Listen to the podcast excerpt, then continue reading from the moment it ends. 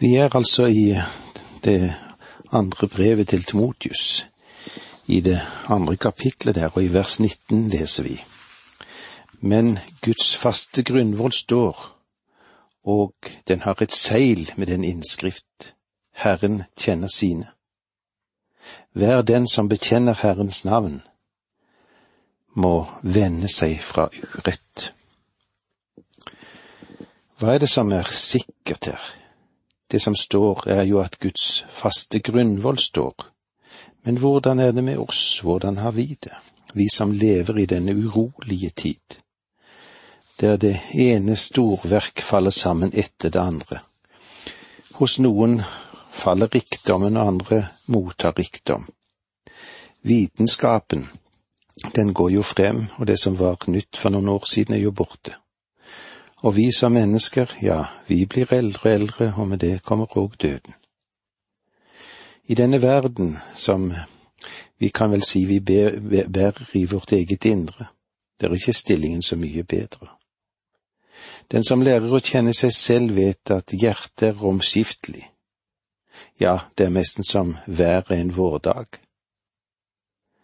De som ikke har noe utenom seg selv enn denne verden å bygge livet sitt på, de er som agner som flyr i vinden. Da er det godt å vite Guds faste grunnvoll står.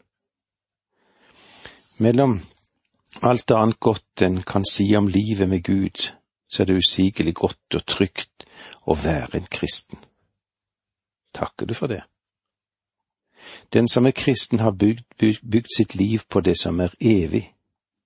Vi har fått lov til å bygge livet på den allmektige, allvitende og kjærlige Gud, som er vår far. Det er òg eh, godt å legge merke til av det som vi har stoppet opp ved her, at han har et godt forhold til oss, til meg, og det er ikke omvendt. Altså at jeg har et godt forhold til Gud, men det er Gud som har et forhold til meg. Men Guds faste grunnvoll står. Det er stort å få lov til å kjenne ham, men hans kjennskap til meg er det første og det største. Tenk at han står, at han kjenner sine. Han tar seg av sine. Han vet hvem vi er. Hver den som bekjenner Herrens navn, må vende seg fra urett. Nå må du lytte, du som tror at Gud er blitt rett av deg. Han kjente deg før du så dagens lys. Ut fra det kjennskap han har til deg, har han handlet hele tiden. Han visste om hvordan du var. Han visste om dine fall. Han visste òg om dine karakterfeil. Derfor vet han òg hvordan han skal stelle med deg for å redde deg hjem. Og slik som vi er, både du og jeg, skal vi få høre ham til. Tenk at vi skal få lov til å høre den allmektige Gud Fader til. Og han har kalt oss inn i en sammenheng. Den andre grunnvollen som står som innskrift i dette vi nå har vært innom, det ble det sagt at bare de som har brutt med synden, hører Herren til. Har du tatt et oppgjør med synden? Har du gjort det? Er du ikke et Guds barn, så vil jeg anbefale deg å gi ham ditt hjerte nå. Det er så usigelig trygt å leve på den grunnvollen som Gud har gitt oss.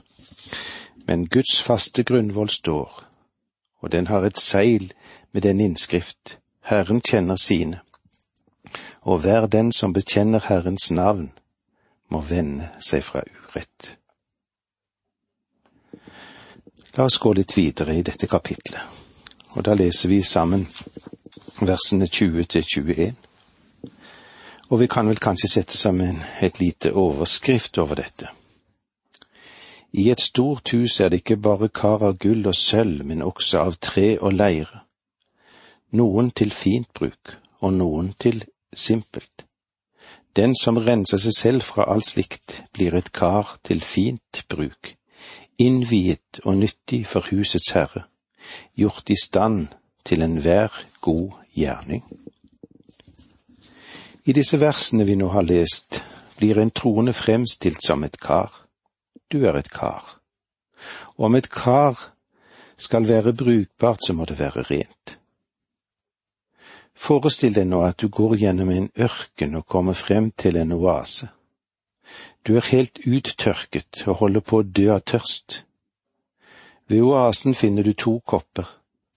Den ene er av gull og vakkert forsiret, men den er skitten. Den andre er en gammel, skaret kopp, kanskje noen hakk i den òg. En bit er falt ut, og den holder ikke mye vann, men den er ren. Hvem av dem ville du bruke? Gi nå Gud så mye kreditt at han er like intelligent som du er. Han bruker også rene kar. Han bruker ikke skitne kar. Kan du huske hva som det sto i det andre kapittelet i Johannesevangelium, det som er skrevet om Jesus da han lagde vann til vin ved bryllupet? Han fikk tjene til å dra fram de gamle, slitte og skrøpelige vannkarene, de som jødene brukte til renselse, og fikk dem fylt med vann. Han tok disse gamle, lite attraktive karene og brukte dem for å vise sin herlighet. Og i dag, ja, i dag ser Gud etter rene kar han kan få lov til å bruke. Ikke nødvendigvis verken vakre eller rikt forsirede, men rene. Vers 22 Du skal flykte fra ungdommens lyster og jage etter rettferd, troskap og kjærlighet, og etter fred med dem som påkaller Herren av et rent hjerte. Å, hvor mange ganger han har knyttet sammen tro, kjærlighet og fred, og gjør de til summen av det kristne livet. Og disse ting burde ikke bare bli forkynt fra en prekestol, de burde bli levet ut gjennom deres liv som sitter i kirkebenkene. Du skal flykte fra ungdommens lyster og jage etter rettferd. En av våre svakeste sider som mennesker er, i alle fall så lenge vi er unge, at vi tenker så kort. Jeg vet ikke om du husker når foreldrene sa at vi måtte ta vare på oss selv og for farene som kommer. Så var svaret ofte så stolt, jeg skal nok passe meg. Viker en unna faren, så ser det ut som om en er feig, og så står der hvorfor skulle en flykte, og så blir en liggende igjen slått og såret.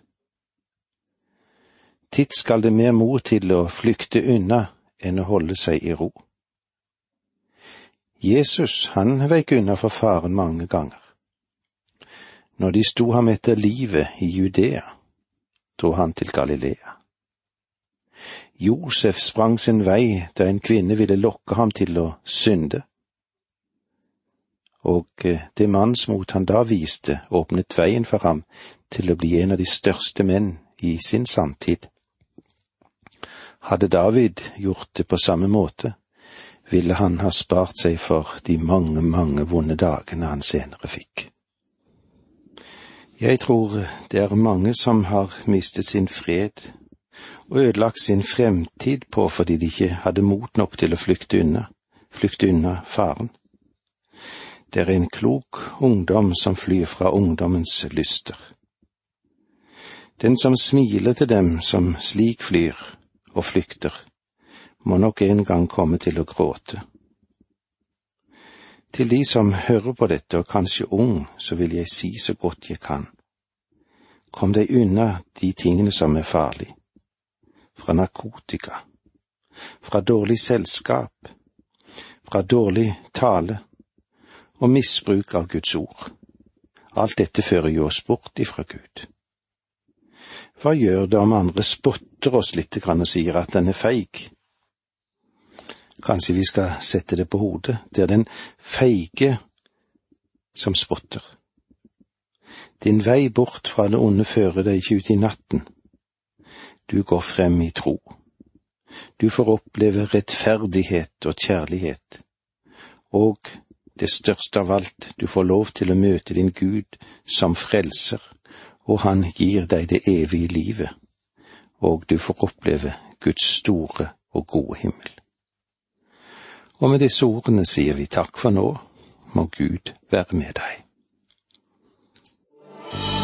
Dette undervisningsprogrammet består av to deler. Åge Nevland fortsetter nå med andre del av dagens undervisning. Vi er i Antimotius Timotius brev i det andre kapitlet, og eh, vi vil nå stoppe litt opp for det som står i vers 23.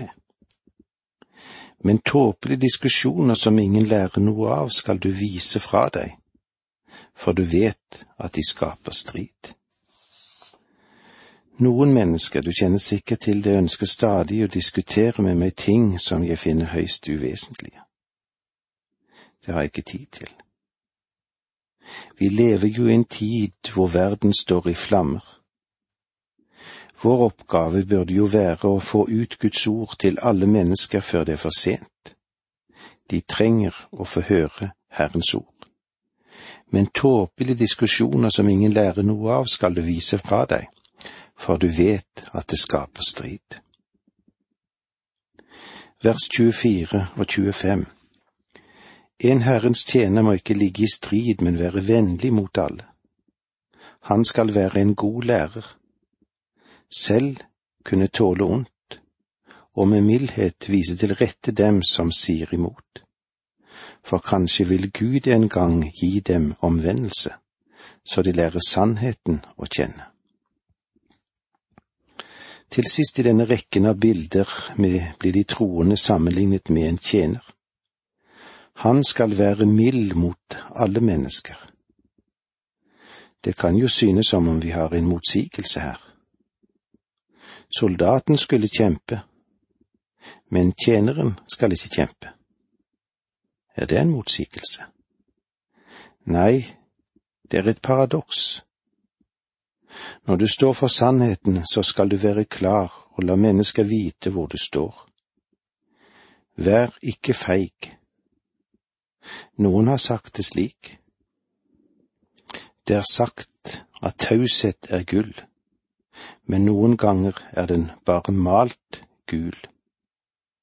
Stå for sannheten. Men med mildhet vise til rette dem som sier imot. Om du prøver å vinne mennesket for Kristus, så innlat deg ikke i, i trette og i diskusjoner med vedkommende. Er han uenig med deg, så la han være uenig med deg. Bare fortsett du å forkynne Guds ord, og presenter det og prent det inn på en god måte. Og det siste verset i dette kapitlet, da kan de våkne av rusen og komme seg ut av snaren som djevelen har fanget dem i, så de må gjøre hans vilje. Det var det vi hadde med oss fra kapittel to. I kapittel tre kan vi vel sette som et hovedtema det kommende frafall og Skriftens autoritet. I dette kapitlet, der advarer Paulus oss mot det frafall som vil komme i den siste tid. Han gir oss også en motvekt mot frafallet, og ikke bare frafallet, men òg vranglæren. Og hva er det som er motvekten? Jo, det er Guds ord. Det er derfor dette kapitlet er så viktig og meningsfylt, også i vår tid, i dag og der du er. Frafall i de siste tider. La oss lese vers én i det tredje kapitlet. Du skal vite at i de siste dager skal det komme vanskelige tider. Du skal vite. Paulus forteller Timotius noe viktig som han vil ha prioritet, og la det være det som ligger fremme i hans tenkning. Han forteller om hva han kan vente, og hvordan fremtiden ser ut for menigheten, og det er ingen lys fremtid for den organiserte kirke. De siste dager er en teknisk term, og den brukes mange steder i Det nye testamentet, og taler om menighetens siste tid tiden før menighetens bortrykkelse. I de siste dager for menigheten er det ikke det samme som de siste dager for Israels folk, og det nevnes til stadighet i Det gamle testamentet.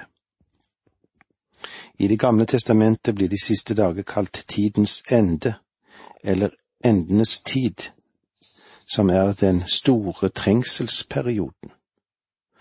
Og det er helt annerledes enn de siste dager for menigheten. Tiden forut for menighetens bortrykkelse. Dette frafallet som begynte i menigheten i Paulus sine dager, vil fortsette. Det Paulus advarte menigheten i Efesos var at falske lærere og ledere ville trenge seg inn i menigheten etter at han var borte. Han sa det slik i Apostelens gjerninger 20, til 20. kapittelet, vers 29 og 30. For jeg vet at når jeg har dratt bort, vil glupske ulver trenge inn hos dere, og de skåner ikke jorden og blant dere selv skal noen menn stå fram og fare med vrang lærere for å trekke disiplene med seg. De vil ikke forkynne Guds ord, men det de vil er å utplyndre menighetene. Tro meg, falske lærere skamskjærer sauene ganske mye. Det skal komme vanskelige tider som betyr at de kristne må forberede seg på kritiske og vanskelige epoker. Det peker ikke i retning av at vi vil makte omvende verden, eller hva tror du? Legg i stedet heller merke til hva som vil komme i de siste dager. Vi har 19 forskjellige beskrivende uttrykk i de neste få versene. Det er en stygg samling av ord. Men vi ønsker å se nærmere på dem fordi de er presentert i et av Skriftens bilder på hva som også hender i dag. Vi går i retning av menighetens sluttfase. Det er klart at de ting som nevnes her, de har dukket opp gjennom hele menighetens historie. Men mot slutten vil disse negative forholdene bli mer intense. Jeg vet ikke hvor mye lenger Herren vil drøye, men jeg tror ikke at vår verden kommer til å bli bedre. Tror du? Jeg tror heller snarere tvert imot. La oss lese versene to til fire i kapittel tre. For da vil menneskene være egoistiske, glade i penger, fare med skryt, være overmodig, snakke stygt om andre, være ulydige mot foreldre, utakknemlige, uten respekt for det hellige, ukjærlige og uforsonlige, fare med sladder, mangle selvbeherskelse, være rå, likegyldige for det gode, svikefulle, oppfarende, innbilske. De elsker lystne høyere enn Gud. Her er altså 19 ord eller begreper som er brukt for å beskrive de siste dager. Tror du at vi kan gjøre noe for å endre disse tingene mens det ennå er tid? Og så, når vi har holdt på ei stund, når alt vårt strev viser seg å være til ingen nytte, er det da lettere til å tåle å ta imot alle disse begrepene? Vi ønsker jo å se forandring i vår verden. Særlig ønsker vi forandring i forhold til det som opprettholder vondskap og det som er urett Ofte er det kanskje slik at vi er seine til å handle, fordi vi ikke ønsker å se tingene slik som de virkelig er, og som vi har lest sammen her ifra dette bibelavsnittet. Vet du hva vi gjør? Jo, vi venter med å gjøre noe til ondskapen er blitt så stor, og så gjør vi noe, ja, legg merke til det, vi sier at det er for sent å gjøre noe men det er aldri for sent til å handle. Det er mye bedre å gjøre noe og så mislykkes, enn å ikke gjøre noe i det hele tatt. Det bør du legge merke til, og det bør jeg ta inn over meg. Trofasthet, det måles ikke i suksess, men det måles i forpliktelse. La oss lese sammen en gang til disse to versene i kapittel tre i Antimotius brev. For da vil menneskene være egoistiske, glade i penger, fare med skryt, være overmodige, snakke stygt om andre, være ulydige mot foreldre, utakknemlige, uten respekt for de hellige, ukjærlige og uforsonlige, fare med sladder, mangle selvbeherskelse, være rå, likegyldige for det gode, svikefulle, oppfarende, innbilske. De elsker lystne høyere enn Gud. Alle disse tingene vil vi komme mer inn på når vi møtes igjen neste gang, men det var så langt vi kom i dag. Takk for nå, må Gud være med deg.